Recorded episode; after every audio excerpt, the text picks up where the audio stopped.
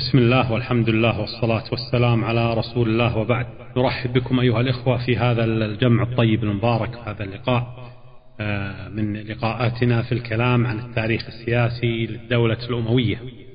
ونحن أيها الإخوة في اللقاء السادس عشر نحن في الدرس السادس عشر من هذه السلسلة آه، في التاريخ السياسي آه، للدولة الأموية. ونتكلم قبل أن نبدأ في الكلام عما توقفنا عنده في المرة الماضية. تكلمنا توقفنا عند عند حملة طريف بن مالك عندما نزل في البر الأندلسي. ولكن ابتدأنا الحلقة الماضية نذكركم آه، ابتدأناها بالكلام عن وفاة طاغية الجبار حجاج بن يوسف الثقفي الذي هلك بعد ما يقارب كما قلنا الأربعين يوما على قتله لسعيد بن جبير التابعي الكبير. وقتله في شعبان آه، من سنة آه، خمس وتسعين وكانت وفاة الحجاج بن يوسف الثقفي في رمضان من سنة خمس وتسعين. آه، تكلمنا عن سيرة الحجاج وعن عن رأي بعض العلماء فيه. طبعا تكلم عنه الكثير لكن اكتفينا ربما بما قال عنه الإمام الذهبي. وفي جماد الآخرة من سنة 96 توفي الخليفة الأموي تكلمنا عن وفاة الخليفة الأموي السادس الوليد بن عبد الملك وهذا الخليفة القوي الجبار من أقوى الخلفاء الأمويين إذا عدوا الخلفاء الأقوياء يعدونهم يعدون منهم وكان يلحن في الكلام. قال يوما يا أهل المدينة. بدلا من أن يقول طبعا يا أهل المدينة. وذكر المؤرخون بأنه قرأ يوما آه، وهو على المنبر آه، يا ليتها كانت القاضية وتحت المنبر آه، عمر بن عبد العزيز وسليمان بن عبد الملك فقال سليمان وددتها والله يعني وددتها كانت القاضية. يعني كيف يعني يلحن في في في في القرآن الكريم؟ ما يعرف ينطق هذه الآية. وتكلمنا أيضا عن جهاد قتيبة بن مسلم في بلاد الترك. وقلنا آه، وصل حتى إلى أطراف الصين ولما طبعا آه، أبر بقسمه عندما أحضره له التراب لكي يطأه في صحاف من ذهب وأربعة من أبناء الملوك ختمهم وأعطوه الجزية. نعم حتى رجع عنهم. وتكلمنا أيضا آه، عن تولي سليمان بن عبد الملك الخلافة وذكرنا نبذة قصيرة عن النظم الإدارية والمالية والعسكرية. ونظم القضاء والبريد في الدولة الأموية. تكلمنا عن الكاتب والقاضي والبريد والشرطة والجيش والإيرادات قلنا أنها الخراج والزكاة والجزية. ثم تكلمنا أيضا أيها الأخوة عن مقتل قتيبة بن مسلم الباهلي ثار عليه الجيش لما أراد أن أو لما خلع سليمان بن عبد الملك فأبى المسلمون وثاروا عليه بسبب بطشه قتله لبني تميم ثار عليه وكيع بن حسان بن أبي سود الغداني التميمي. ثم تكلمنا عن جهاد المسلمين في المغرب وتوقفنا إذا تذكرون عند الحملة التي أرسلت لاستكشاف الأوضاع في بلاد الأندلس وكانت آه، قوة أو كتيبة أو جيش مكون من 500 رجل يقوده طريف بن مالك آه، ركبوا في سفن الكونت يوليان ونزلوا في الأندلس في جزيرة لاس بالوماس التي قلنا سميت بعد ذلك باسم جزيرة طريف وكان ذلك في رمضان من سنة 91 أنا أعتبر هذه يعني إذا قوة الآن ذهبت ونزلت في رمضان من سنة 91 نقول أن ذلك بداية التواجد تواجد آه، المسلمين في الأندلس.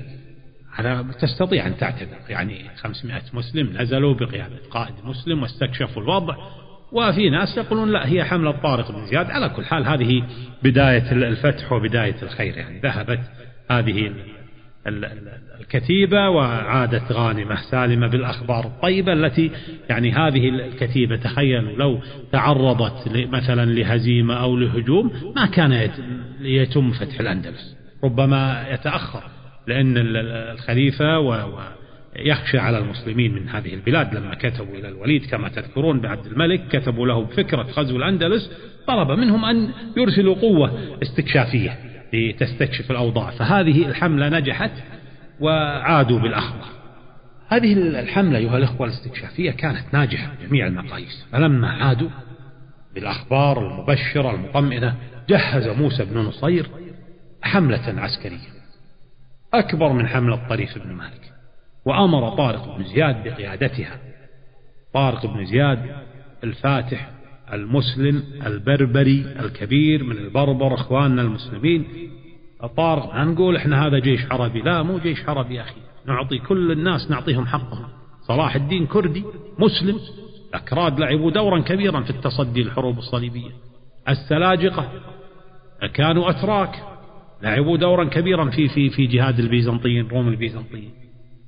دولة آل زنكي أتراك أيضا. هؤلاء أخواننا البربر أيضا كان لهم الدور الكبير في فتح الأندلس.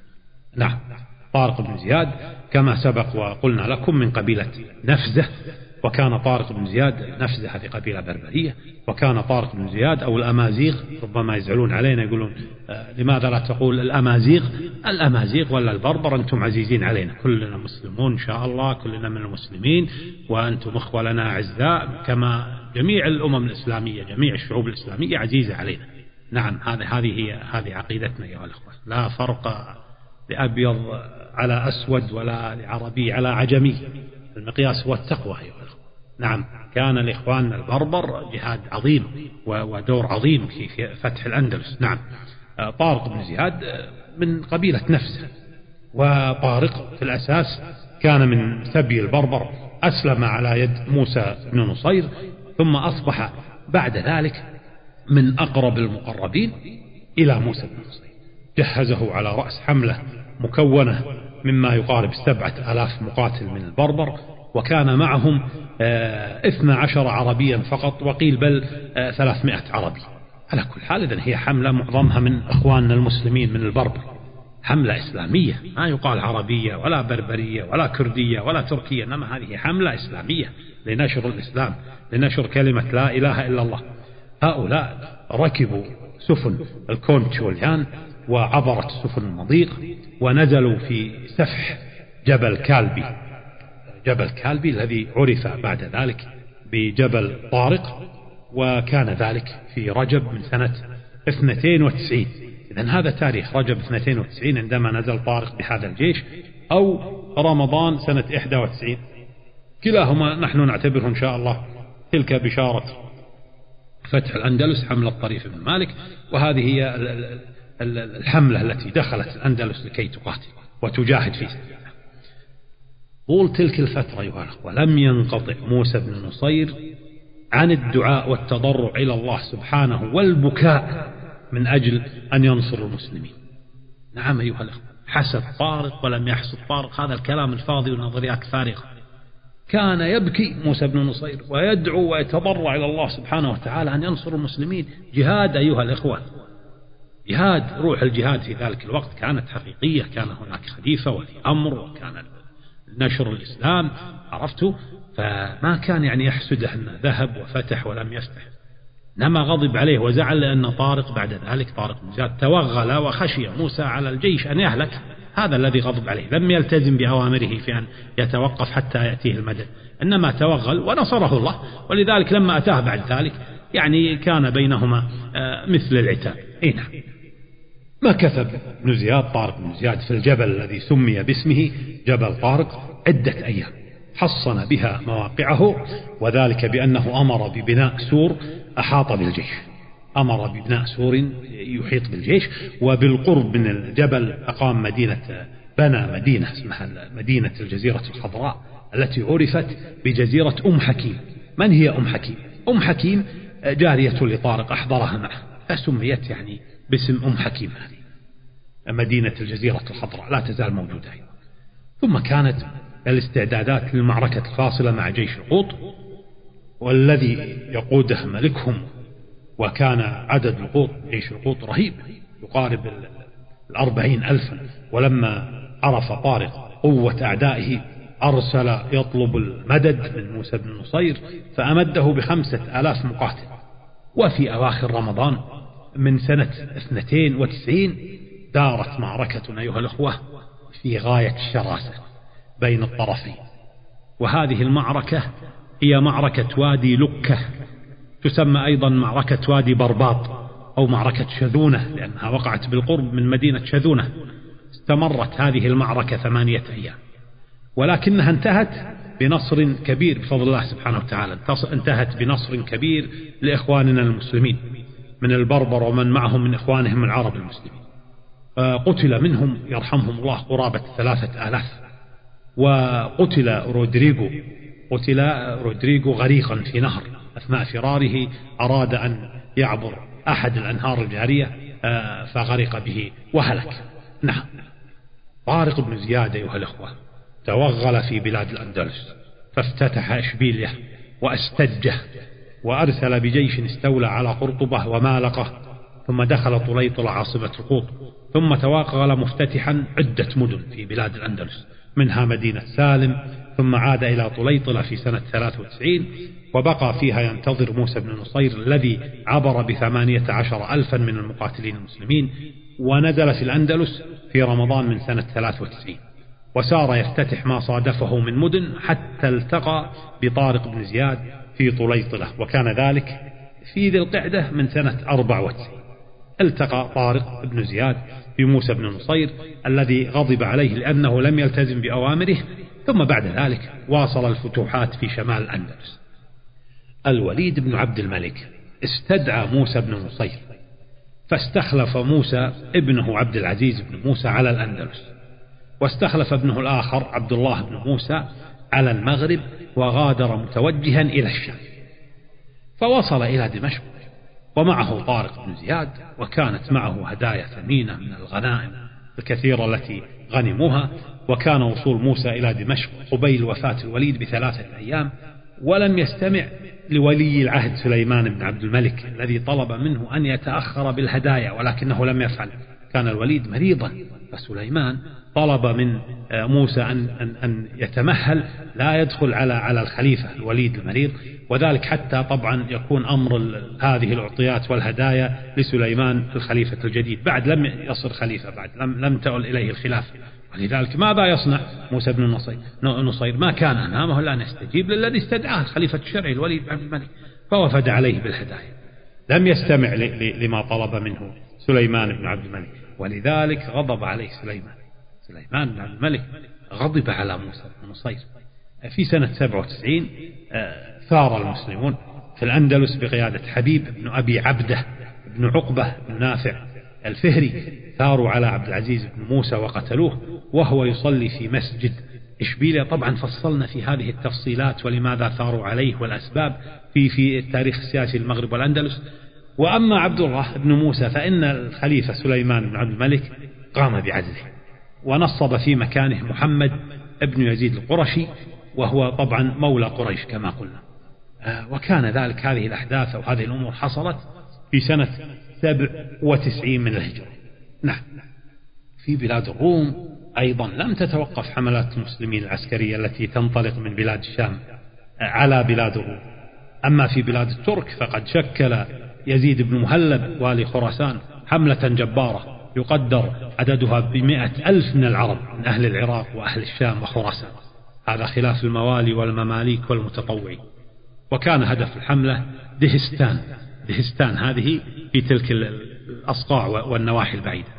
ودار قتال مع أهل دهستان المتحصنين في مدينتهم المنيعة ولكن الحصار الشديد الذي فرضه المسلمون جعل دهقانها واسمه صول.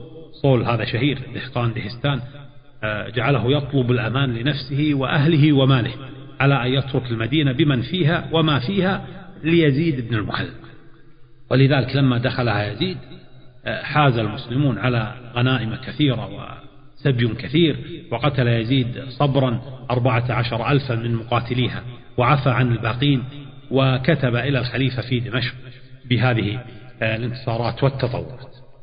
ثم مر يزيد على جرجة وكان أهلها يدفعون مبلغا من المال للمسلمين نظير الصلح الذي تم بينهم قبل ذلك في أيام سعيد بن العاص. ثم امتنعوا عما كانوا يدفعون وليس ذلك فقط إنما أخذوا يقطعون الطرق على من يريد أن يجتازها أو يمر بنواحي جرجان من جيوش المسلمين. حتى جاءهم يزيد بن مهلب فزادوا في مبلغ ما يدفعون ويقال بل اتفقوا على أن يدفعوا مثل الذي كان يدفعون لسعيد بن العاص واستخلف عليهم يزيد بن المهلب رجلا من المسلمين اسمه أسد بن عبد الله الأزدي ومعه حامية من أربعة آلاف مسلم. ثم واصل يزيد تحركه باتجاه طبرستان وحاصر طبرستان فكاتبه الإصبهبذ الإصبهبذ هذا أيها الأخوة هو آه، الزعيم زعيم طبرستان هناك كان بينه وبين المسلمين صلح سابق آه، كاتبه على أن يزيد له فيما يدفع. وفي الوقت نفسه كتب إلى الديلم يستنجد بهم بهم. وجاءه الديلم ودار بينهم قتال وكتب الإصبهبذ إلى أهل جرجان يحرضهم على المسلمين فقاموا بالثورة على من عندهم من المسلمين وقتلوا من وقع بأيديهم من المسلمين. ولذلك اضطر يزيد بن مهلب إلى مصالحة الإصبهبذ الذي كان يدفع في السابق آه، مئتي ألف درهم ولكنه في صلحه هذا دفع سبعمائة ألف درهم وأربعمائة ألف نقدا ودفع أيضا الكثير من الهدايا. يعني آه، في الصلح هذا تغير الأمر بعد ما كان يدفع مئتي ألف أصبحت سبعمائة ألف درهم وعجل منها أربعمائة ألف نقدا ومعها الكثير من الهدايا. وكان يزيد بن مهلب يريد أن يفتتح طبرستان ولكن ثورة أهل جرجان جعلته يعقد هذا الصلح مع الإصبهبل ثم بعد ذلك بعد أن عقد هذا الصلح سار يزيد بن المهلب أبي صفرة الأزدي بقواته الكبيرة إلى جرجان فذهب صاحبها إلى مدينة حصينة اسمها وجاه وحاصرهم يزيد بن المهلب لمدة سبعة أشهر حتى تمكن منهم وكان انتقامه منهم ذريعا أيها قتل مقاتلتهم ثم أمر بصلبهم على الطريق فرسخين عن يمين وشمال. طريق يمين وشمال فرسخين معناها أربعة فراسخ صلبهم. ويقال بأنه قتل منهم أربعين ألفا. هذا خلاف من سبى منهم لأنهم ماذا أيها الأخوة؟ نقضوا الصلح وقتلوا المسلمين الذين هناك يعني وضعهم يزيد. أربعة آلاف مسلم هذه الحامية كلها أبيدت وقتلوا أسد بن عبد الله الأزدي كما قلنا. فأراد أن ينكل بهم حتى لا يعني لا يقتدي بهم أحد بعد ذلك. ويزيد كان قد عاهد الله سبحانه وتعالى لأن أظفره الله بأهل جرجان فإنه لن يرفع السيف عنهم حتى يطحن بدمائهم ويختبز من ذلك الطحين ويأكل منه. ثم سار يزيد إلى الأندرهز وهو واد بجرجان. الأندرهز هذا واد بجرجان ومعه من الأسرى اثني عشر ألفا فقتلهم وأجرى الماء في الوادي على الدم وقد وضع أرحاء الأرحاء جمع رحى طبعا ليطحن الطحين بدمائهم فطحن واختبز لتبرى يمين. ويا لها من يمين. لا أعرف هل هذه اليمين من الشر أكل الخبز المعجون بدماء البشر هذا إن صحت الرواية لكن هذا ما ذكره المؤرخون كتب يزيد ابن المهلب إلى سليمان بن عبد الملك بهذا الفتح الكبير. خليفة الأموي السابع سليمان كتب له بهذا الفتح الكبير لأن هذه المنطقة صعبت على الأكاسرة في السابق وصعبت على المسلمين في أيام الفتوحات الإسلامية وذلك لمناعتها ولحصانتها ووعورة مسالكها. وكتب له بأن الغنائم ستة آلاف ألف لعلها درهم وليست دينارا. درهم الله أعلم. نعم. وإنه سوف يرسلها إليه. فنصحه آه، كاتبه المغيرة بن أبي قرة مولى بني سدوس. نصح يزيد المهلب قال له لا تذكر مبلغ المال فإن ذلك سيجعل الخليفة إما يستكثره فيأمرك بإرساله إليه وإما إنه سيتركه إليك وهذا سوف يجعله يستقل أية هدايا ترسلها إليه بعد ذلك. تقول له ستة آلاف ألف. نعم هذه نصيحة طيبة. فقال له إما يستكثره فيأمرك بإرساله وإما سيتركه ويجعله بعد ذلك يستقل أية هدايا ترسلها إليه. وربما يعني السبب الثالث قال له وربما يأتي وال بعدك يطالبك بهذا المال أو ربما أتى وال يكرهك فيطالبك بأضعافه. ولكن يزيد بن مهلب أبى إلا أن يكتب بذلك إلى الخليفة سليمان الملك. فكانت وبالا عليه هذه الرسالة كما أو هذا الكتاب كما سوف نرى بعد ذلك. كان عبد الملك بن مروان قد أخذ عهدا على ولديه الوليد وسليمان أن يبايع إذا ما أفضت الخلافة إلى الوليد وولي عهده سليمان أن يبايع ليزيد بن عبد الملك يعني يكون له الأمر من بعدهما ولشقيقه مروان من بعده. أمهما أم يزيد ومروان هي عاتكة بنت يزيد بن معاوية بن أبي سفيان. ونحن رأينا أن عبد الملك أراد أن يزيح أخاه عبد العزيز عن ولاية العهد. ولكن عبد العزيز توفي قبل أن يقدم عبد الملك على ذلك. ثم رأينا الوليد يريد أن يزيح أخاه سليمان عن ولاية العهد ويجعلها لابنه عبد العزيز بن الوليد ولكن الوليد توفي قبل أن يقدم على هذا الأمر. ثم ها نحن أيها الأخوة نشاهد سليمان يصنع الشيء نفسه. مروان بن عبد الملك حان أجله. فلما توفي بادر سليمان بن عبد الملك في سنة 98 للبيعة لابنه أيوب بن سليمان. قالوا بأن سليمان تمنى أن يموت يزيد أو يحدث له شيء. تمنى أن يموت أخوه آه، أخاه آه، يزيد بن عبد الملك أو يحدث له شيء. ولكن الله سبحانه شاء أن يموت أيوب بن سليمان. توفي في خلافة أبيه في سنة 98 وبقى يزيد بن عبد الملك لكي يصبح بعد ذلك الخليفة. يعني بعد طبعا عمر لكن انظروا يعني هذه مشيئة الله سبحانه وتعالى. هم يخططون ويصنعون ولكن الله سبحانه وتعالى يفعل ما يريد. نعم. في يوم الجمعة آه لعشر آه ليال كما يقولون بقينا من صفر من سنة 99 كما آه يقول المؤرخون توفي في دابق بقن نسرين سليمان بن عبد الملك ابن مروان الخليفة الأموي السابع وصلى عليه عمر بن عبد العزيز وكانت خلافته آه، بها الخير الكثير على المسلمين لأنه أطلق المظلومين ممن اكتظت بهم السجون سجون العراق في عهد الحجاج وأحسن إلى الناس. وكان مستشاره الأمين ابن عمه عمر بن عبد العزيز. آه، ذكروا أن سليمان بن عبد الملك آه، لبس يوما حلة خضراء وعمامة خضراء ثم نظر إلى المرآة وقال أنا الملك الشاب ثم صلى الجمعة. فلما رجع من الصلاة أصابه المرض ولم يعش بعدها ليدرك الجمعة القادمة. الله أكبر. يعني جميل هو كان سليمان وحلة بدلة خضراء هكذا وعمامة خضراء ونظر إلى المرآة وأنا الملك الشاب قبل أن يذهب للجمعة. ذهب يصلي وعاد مريضا ولم يدرك الجمعة القادمة. الله أكبر. نعم.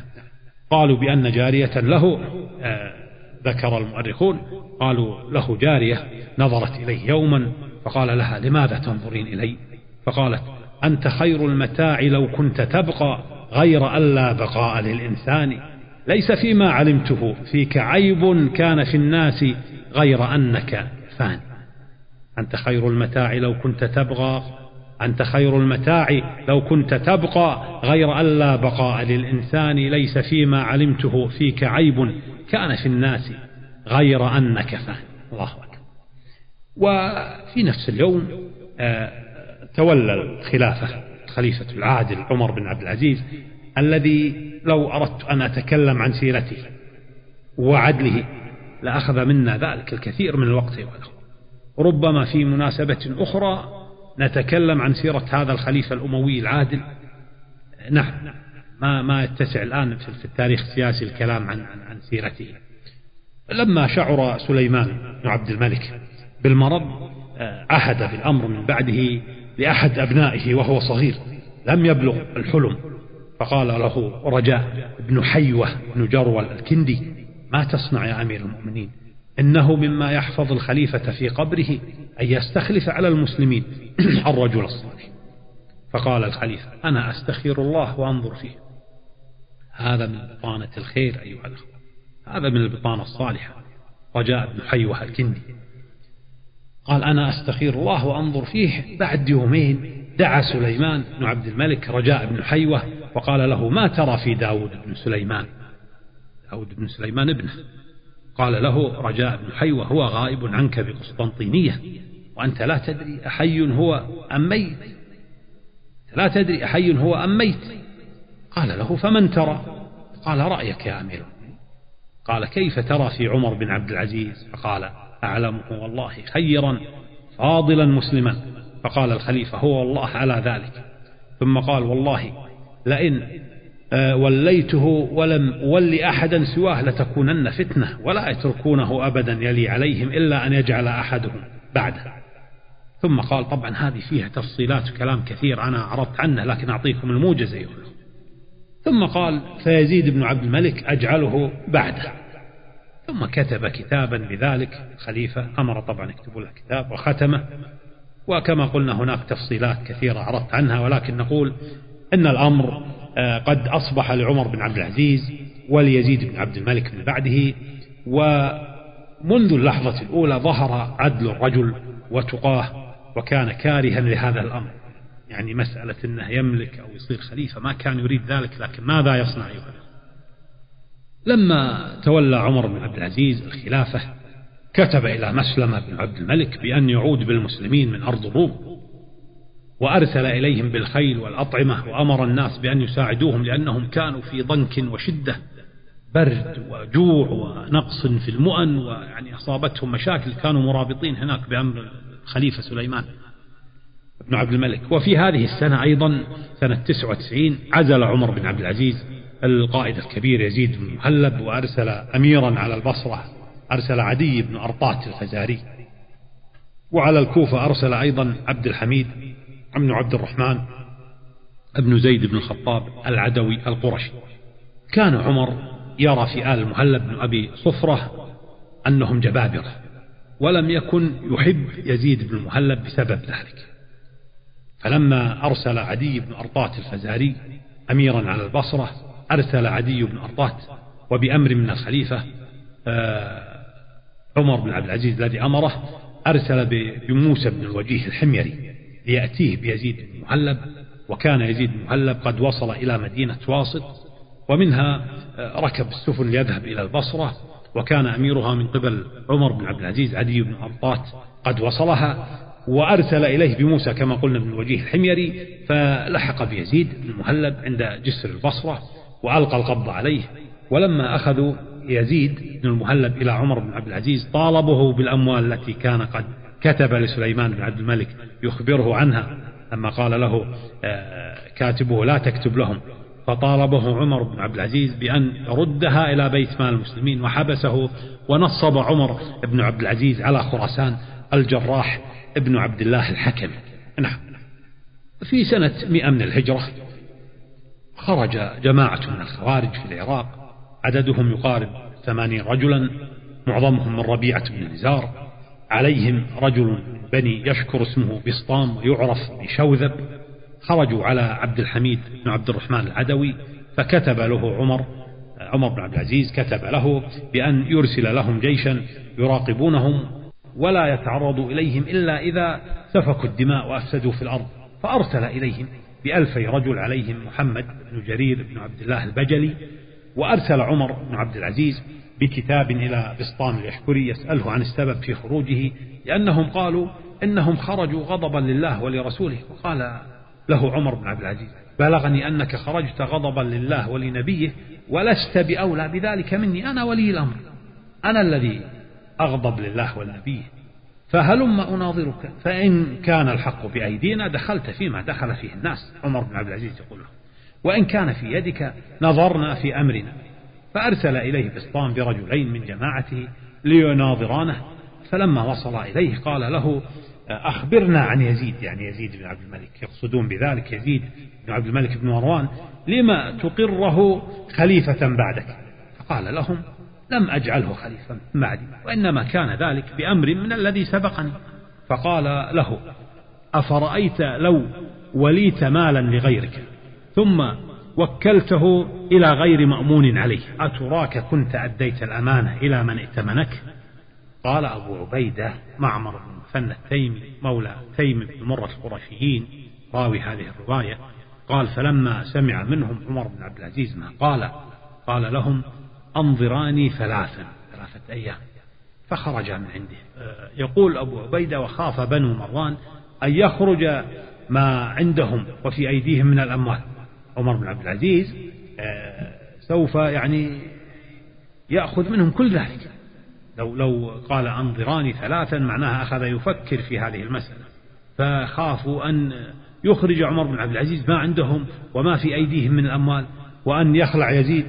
يقول فدسوا إليه من سقاه السم. آه، يقول أبو عبيدة فلم يلبث بعد خروجهما من عنده إلا ثلاثا حتى مات. وهناك رواية أخرى طبعا خلاف هذه الرواية. آه، تقول إن عبد الحميد بن عبد الرحمن أرسل لهم جيشا فهزمهم الخوارج فأمر عمر بن عبد العزيز مسلم بن عبد الملك وكان بالرقة بأن يخرج إليهم فخرج إليهم بألفين من أهل الشام فسحقوا الخوارج. هذه أيضا رواية أخرى في الخوارج الذين خرجوا في عهد عمر بن عبد العزيز. أيضا أيها الأخوة في سنة مئة للهجرة آه أرسل عمر بن عبد العزيز عمر بن هبير الفزاري أميرا على الجزيرة وعزل الجراح بن عبد الله الحكمي عن خراسان ونصب عليها عبد الرحمن بن نعيم الغامدي على الصلاة والحرب ومعه عبد الرحمن بن عبد الله القشيري على الخراج وكان عمر بن عبد العزيز قد عزل الجراح لشدته وجفائه كما يقولون وظلمه كان يأخذ الجزية من أهل البلاد الذين دخلوا في الإسلام. كيف تأخذ الجزية من أهل البلاد الذين دخلوا في الإسلام؟ ما عليهم جزية لكن هذا من ظلم بعض الولاة آه، قال المؤرخون آه، أيضا في عهد عمر بن عبد العزيز آه، كانت بداية الدعوة العباسية ظهرت نعم في عهد عمر بن عبد العزيز في سنة 100 من الهجرة كانت بداية الدعوة العباسية. ونحن نلاحظ أيها الأخوة أن عمر بن عبد العزيز كان إماما عادلا ولكنه كان لينا وهذا ما جرأ الخوارج وكل من في قلبه مرض. وسوف نتكلم إن شاء الله بالتفصيل بعد ذلك عن الدعوة العباسية. آه نعم. آه إذا هذه ربما بعض الأمور التي حدثت في عهد الخليفة. عمر بن عبد العزيز. نعم. آه الآن أيضا نريد أن نقول أنه في السنة الأولى بعد المئة من الهجرة فر يزيد بن مهلب من سجنه وذلك لأنه لما بلغه مرض عمر بن عبد العزيز خشي من خلافة يزيد بن عبد الملك الذي كان متزوجا من أم الحجاج بنت محمد بن يوسف الثقفي. الحجاج عم أبيها محمد ولذلك أقسم يزيد بأن ينتقم من يزيد بن مهلب إن وقع في يده يزيد بن عبد الملك. أقسم بأن ينتقم من يزيد بن مهلب إن وقع فيها لأن يزيد بن مهلب كان قد عذب آل أبي عقيل الثقفي جماعة الحجاج بن يوسف الثقفي. في سنة إحدى ومئة الهجرة وفي يوم الجمعة لخمس ليال بقين من شهر رجب توفي الخليفة الأموي العادل عمر بن عبد العزيز بن مروان بن الحكم الأموي أمه أم عاصم آه، واسمها ليلى. أمه ليلى أو أم عاصم بنت عاصم بن عمر بن الخطاب رضي الله عنه. وكان عمره تسع وثلاثون سنة وأشهر. مات بدير سمعان وكانت فترة خلافته سنتين وخمسة أشهر. سنتين فقط وخمسة أشهر. وهو الذي يعرف بأشج بني أمية. لأن دابة من دواب أبيه فرس كانت قد شجته وقد ذكر الحافظ ابن كثير في كتابه البداية والنهاية الكثير من أخبار هذا الإمام العادل. آه، يقال بأن عمر بن عبد العزيز آه، توفي بالسل ويقال بل أمروا مولا له فدس له السم على أن يعطوه ألف دينار. روايات دائما كثيرة تحدث عند موت آه، الأعلام والمشاهير.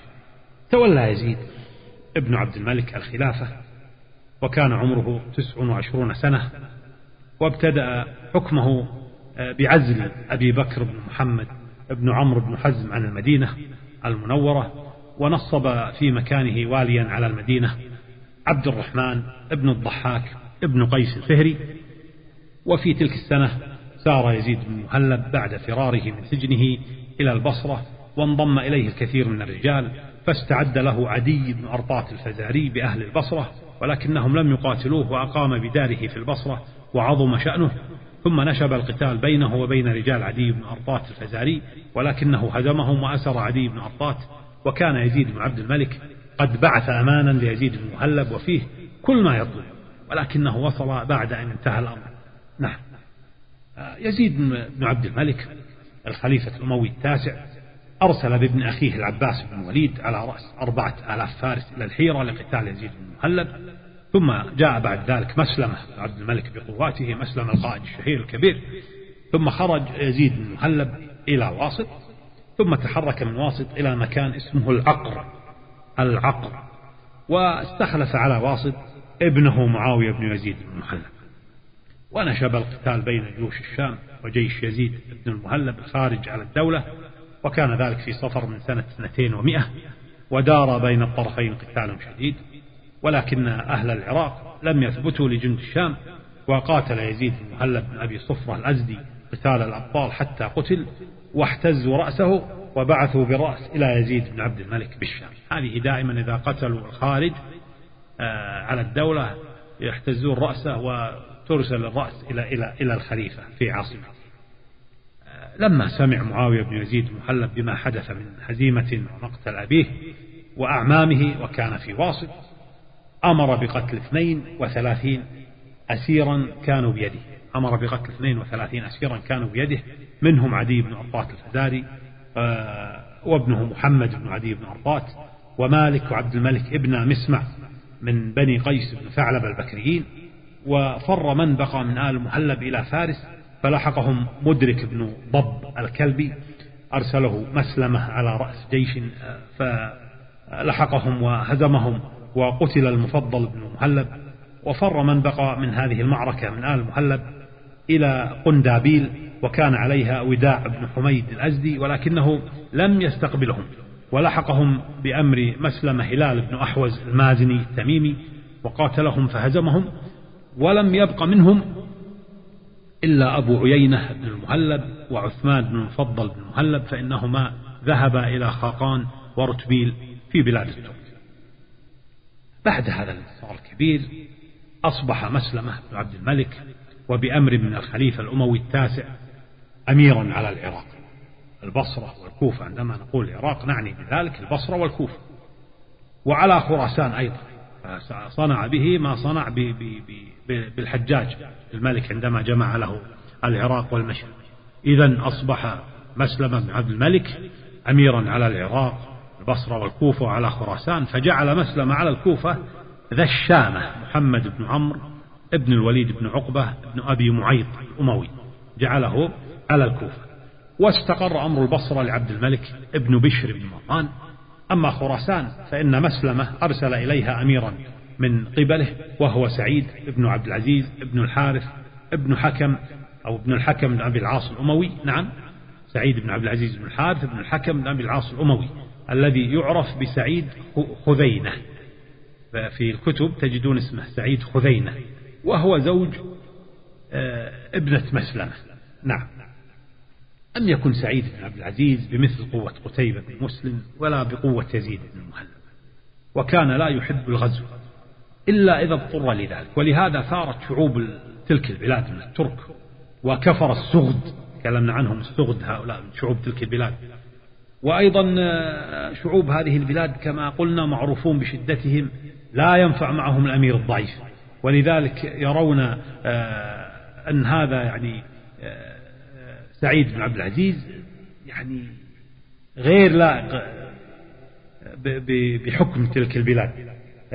الصبهبب قال لرجل من العرب يا معشر العرب قتلتم قتيبة ويزيد يعني قتيبة بن مسلم الباهلي ويزيد آه، بن المهلب بن أبي صفرة آه، الأزدي وهما سيد العرب فقال له الرجل فأيهما كان أعظم عندكم وأهيب قال لو كان قتيبة بالمغرب بأقصى جحر به في الأرض مكبلا بالحديد ويزيد معنا في بلادنا وأل علينا لكان قتيبة أهيب في صدورنا وأعظم من يزيد. نعم هذا رأيهم في هذا الفاتح الكبير قتيبة بن مسلم. لكن خرج على الخليفة فثار عليه المسلمون ما قبلوا بذلك وكان في ذلك نهايته نعم. في هذه السنة أيضا عزل الخليفة الأموي يزيد بن عبد الملك أخاه مسلمة عن العراق وخراسان وذلك لأن مسلمة لم يرسل شيئا من الخراج إلى الخليفة ولذلك دعاه للقدوم عليه في دمشق ونصب في مكانه عمر بن هبيرة الفزاري وكان أميرا على الجزيرة وكان قد غزا الروم في أرمينيا في سنة 200 في سنة 300 قام العباس بن الوليد ابن عبد الملك بن مروان بغزو بلاد الروم بأمر من الخليفة وفي هذه السنة عزل عمر بن هبيرة سعيد بن عبد العزيز بن حارث عن خراسان ونصب في مكانه سعيد بن عمرو بن الأسود الحرشي العامري بني الحريش بن كعب بن ربيعة بن عامر بن صعصع. وفي هذه السنة أيضا آه، أصبح عبد الرحمن ابن الضحاك ابن قيس الفهري أميرا على مكة بالإضافة إلى المدينة التي كان أميرا عليها. وكان أمير مكة هو عبد العزيز بن عبد الله بن خالد ابن أسيد بن أبي العيس أو ابن أبي العيص. ابن أمية بن عبد شمس فيعني عزله. في سنة أربع ومائة قاد سعيد بن عمرو بن الأسود الحرشي حملة كبيرة على السغد ونكل بهم وقتل الكثير من زعمائهم ولكن ابن هبيرة عزله بعد ذلك في نفس السنة لأن الحرشي كان يستخف بسلطة ابن هبيرة. الحرشي هذا كان يستخف بسلطة ابن هبيرة ولا يقيم له وزنا فعزله. وسجنه وعذبه ولكنه لم يقتله لأنهم كانوا يعتبرونه من فرسان القيسية. قيس بن عيلان أو آه، قيس عيلان كما قلنا لكم في دروس الأنساب وأرسل عمر بن هبيرة من قبله أميرا على خراسان مسلم بن سعيد بن أسلم بن زرعة بن علس بن عمرو بن خويلد الصاعق بن نفيل بن عمرو بن كلاب. خويلد بن نفيل آه، آه، لقب بالصاعق لصاعقة أصابته. وفي سنة آه، أربع ومائة عزل يزيد بن عبد الملك عبد الرحمن بن الضحاك بن قيس الفهري عن مكة والمدينة والطائف ونصب في مكانه عبد الواحد بن عبد الله النضري.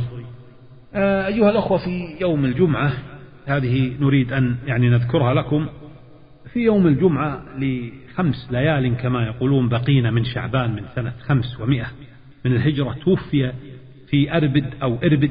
من أرض البلقاء الخليفة يزيد بن عبد الملك بن مروان الخليفة الأموي التاسع وصلى عليه ابنه الوليد بن يزيد وكان عمر الوليد بن يزيد خمسة عشر عاما وكان هشام بن عبد الملك بحمص.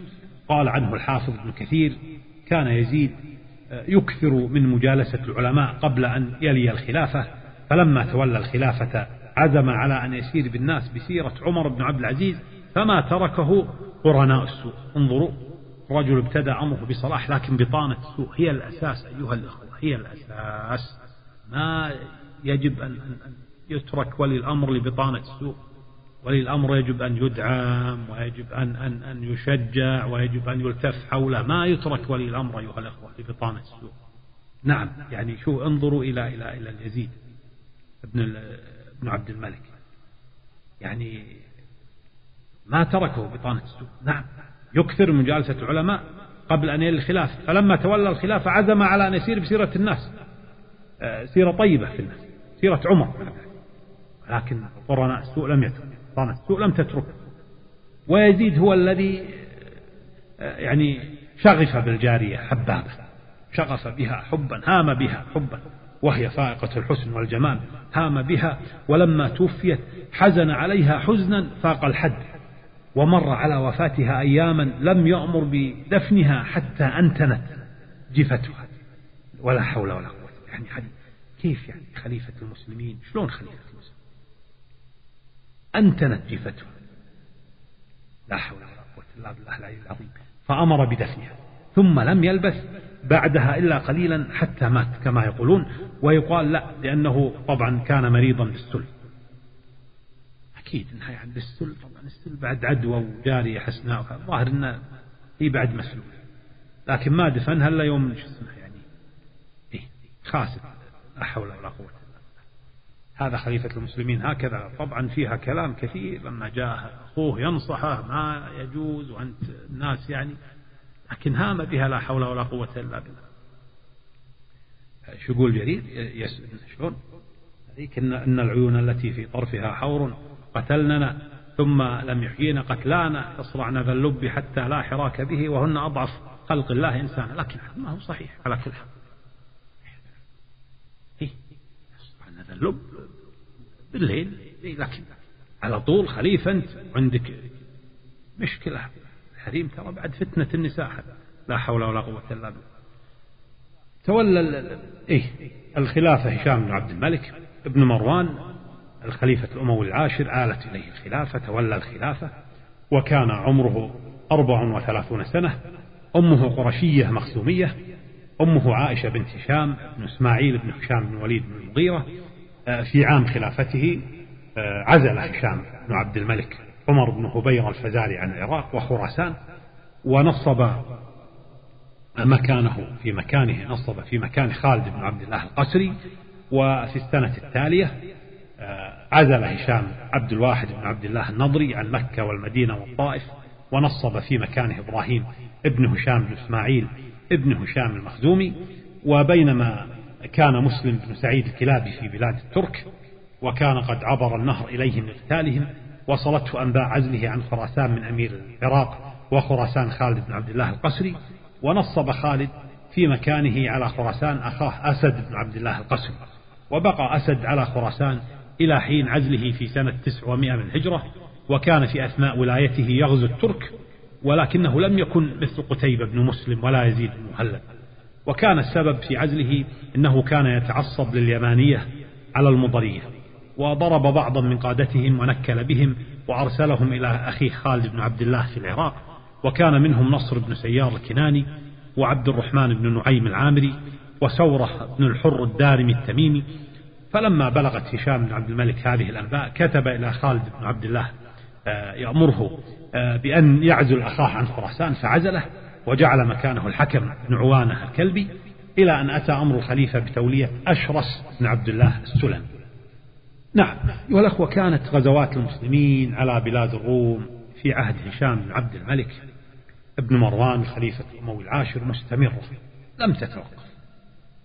آه، ففي سنة ثمان ومئة من الهجرة افتتح مسلم بن عبد الملك القائد أموي شهير كبير قيسارية. هذه في بلاد الروم. أما في بلاد الأندلس التي تم افتتاحها في العقد الأخير من القرن الهجري الأول آه، وفي سنة عشر ومئة غزا أيضا. آه، في الأندلس طبعا أيضا ما توقفت يعني الفتوحات نعم نذكر لكم أخبارها بعد ذلك بالتفصيل. آه، في أيضا يعني سنة عشر ومئة غزا أيضا مسلمة ما توقف. غزا الترك. هذه المرة مع الترك يعني. آه، وتقاتل مع خاقان ملكهم. لماذا؟ الترك اقتربوا من, من, من حدود الدولة. نعم من جهة الجبهة التي يقف بها مسلمة آه، فغزاهم. وفي هذه كان ذلك سنة عشر ومئة نعم. وفي هذه السنة أيضا كانت المواجهة الكبيرة بين أشرس بن عبد الله السلمي ومن معه من المسلمين وبين الترك من أهل بخارى والسغد. الترك أيها الأخوة ليسوا يعني فقط كما قلنا في دروس الدولة العثمانية التاريخ السياسي للدولة العثمانية. لما نقول الترك لا يتبادر إلى ذهنكم الأتراك في تركيا الحالية جمهورية تركيا. لا ترك هذه شعوب وقبائل ممتدة على يعني مناطق شاسعة وكبيرة فتجدهم يعني آه، في نواحي قريبة من العراق من من الشام تمتد إلى إلى إلى إلى الصين إلى إلى دول الاتحاد السوفيتي السابق روسيا الدول هذه شعوب الترك منتشرة أيها نعم. فأشرس بن عبد الله السلمي وكان معه آه، جيشه المسلم تواجهوا آه، مع الترك من أهل بخارى والسغد وكان السبب في ذلك أن المسلمين أرادوا أن يأخذوا الجزية ممن أسلم من أهل هذه البلاد.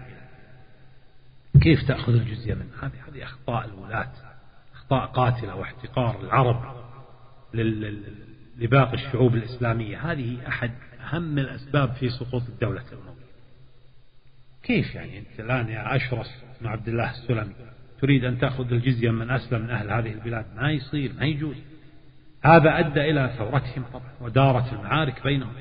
وفي أثناء القتال الذي استمر إلى سنة إحدى عشر ومائة وفد الجنيد بن عبد الرحمن المري على خراسان ومعه كتاب هشام بن عبد الملك بعزل أشرس بن عبد الله السلام.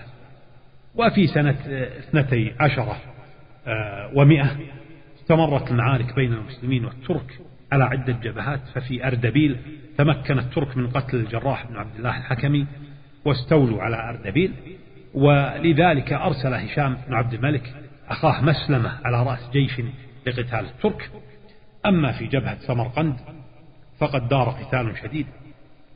بين الترك وعليهم خاقان ملكهم وبين الجنيد بن عبد الرحمن آه، المري. وكان الجنيد قد عبر النهر يريد أن يغزو طخارستان فاستعد له الترك. ودارت بينهم معركة كبيرة تسمى يوم الشعب. قتل فيها من المسلمين الكثير من الرجال منهم أمير سمرقند ثورة بن الحر الدارمي التميمي من بني أبان بن دارم يعني من كبار بني تميم هذه ثورة بن الحر. وكذلك كانت خسائر الترك كبيرة إذ قتل منهم الكثير من مقاتليهم وأرسل الجنيد إلى الخليفة يطلب منه المدد فأرسل إليه بالرجال والسلاح بعث إليه بعمر بن مسلم الباهلي أخو قتيبة على رأس عشرة آلاف من أهل البصرة وعبد الرحمن بن نعيم العامري ومعه عشرة آلاف من أهل الكوفة. أيضا أيها الأخوة في سنة أربع عشرة ومائة عزل هشام بن عبد الملك خاله إبراهيم ابن هشام المخزومي عن إمارته وكان أميرا على مكة والمدينة والطائف ونصب على المدينة خالد بن عبد الملك ابن الحارث بن الحكم ابن أبي العاص الأموي وعلى مكة والطائف نصب محمد بن هشام المخزومي وفي هذه السنة أيضا نصب هشام بن عبد الملك ابن عمه مروان بن محمد ابن مروان على أرمينيا وأذربيجان آه، أيضا في سنة أربع عشر ومائة ابتلى الله سبحانه الناس بالطاعون الذي حل بمدينة واسط بالعراق ثم في السنة التي تلتها حل الطاعون بالشام ثم في السنة التالية أيضا كان الطاعون بالشام والعراق وفي سنة آه، ست عشر ومائة عزل هشام بن عبد الملك الجنيد بن عبد الرحمن عن خراسان آه، لأنه آه، تزوج من الفاضلة الفاضلة بنت يزيد بن مهلب. يزيد بن مهلب له ابنة اسمها, اسمها هذه الفاضلة. تزوج منها الجنيد بن عبد الرحمن فعزله هشام بن عبد الملك ونصب في مكانه عاصم بن عبد الله بن يزيد الهلالي وقال له إن أدركته وبه رمق فاقتله حقد عليه غضب عليه الخليفة كان الجنيد قد اشتدت عليه علة أصابته في بطنه ولكنه لما وصل إلى خراسان كان الجنيد قد مات واستخلف قبيل وفاته عمارة ابن حريم المري. فلما وصل عاصم بن عبد الله قبض على عمال الجنيد وحبسهم وعذبهم. في سنة ست عشر ومائة وبسبب تعسف عاصم بن عبد الله الهلالي مع عمال جنيد بن عبد الرحمن خرج الحارث بن سريج التميمي. الحارث بن سريج التميمي وأقبل برجاله من الفارياب ولبس السواد السواد هذا بعد ذلك هو شعار العباسيين. ودعا إلى كتاب الله وسنة نبيه والبيعة للرضا وابن الفارياب سار إلى بلخ وكان عليها نصر بن سيار الليثي الكناني والتقى معه في معركة ولكنه هزمه وفر نصر بن سيار ودخل الحارث بن سريج إلى بلخ ونصب عليها رجلا من قبله وسار إلى الجوزجان فأخذها وأخذ الطالقان ومرو الروذ ثم قرر أن يمضي إلى مرو عاصمة خراسان فخرج له عاصم بن عبد الله الهلالي ودار القتال بينهم وانهزم الحارث بن سريج وفر ومعه ثلاثة آلاف فقط من الجموع الكبيرة التي كانت معه. عاصم بن عبد الله الهلالي لم ينتهز هذه الفرصة الذهبية ويطارد الحارث بن سريج للقضاء عليه. وهذا ما جعله يعود لقتال عاصم بعد أن التقط أنفاسه وفي تلك الأثناء كتب عاصم إلى الخليفة يقول له إن خراسان لا تصلح أمورها إلا إذا ألحقت بأمير العراق. ولذلك أخذ الخليفة بنصيحته وكتب بعزله وإلحاق خراسان بأمير العراق خالد بن عبد الله القسري واستخلف خالد بن عبد الله أخاه أسد على خراسان فلما أرسل عاصم بن عبد الله كتابه إلى الخليفة لامه أصحابه وقالوا له سوف يرسلون بأسد بن عبد الله القسري أميرا على خراسان. ولكن لما وصلت الأنباء بأن أسد بن عبد الله قادم إلى خراسان قالوا لا خلاص الأنباء وصلت أسد بن عبد الله قادم إلى خراسان وكان القتال قد تجدد بين عاصم بن عبد الله آه، والحارث بن سريج التميمي. صالح عاصم بن عبد الله الحارث بن سريج بل واتفق معه من حيث المبدأ كما نقول في زماننا هذا زماننا هذا نقول الاتفاق من حيث المبدأ. اتفقوا على ماذا؟ على أن يكون يدا واحدة. لكن هذا الاتفاق لم يتم. لماذا لم يتم؟ لمعارضة يحيى بن حضين بن المنذر. يحيى بن حضين بن المنذر قال لكبار القوم بأن هذا الاتفاق إن تم فإنه خلع للخليفة فلم يحدث بينهما بسبب ذلك أي اتفاق. واستمر القتال بين الطرفين وانهزم الحارث ثم وصل بعد ذلك أسد بن عبد الله إلى خراسان وضبط أمورها كما يقولون التي اضطربت كانت مضطربة أمور. آه، في ولاية عاصم بن عبد الله الهلالي اضطربت الأمور فلما وصل أسد ضبط الأمور آه، نعم. آه، ونكل أسد بالثوار والعصاة حتى أوقع الرعب في قلوبهم ثم تفرغ بعد ذلك لقتال الترك. أيها الأخوة سوف أتوقف هنا وهذه الحلقة ربما تلاحظون هذا الدرس كان مليئا بالأحداث و المعلومات الكثيرة وتنوع المعلومات. وأشكركم كثيرا على صبركم وعلى حسن استماعكم وجزاكم الله خير أيها وإلى لقاء قادم يحدد إن شاء الله في وقت لاحق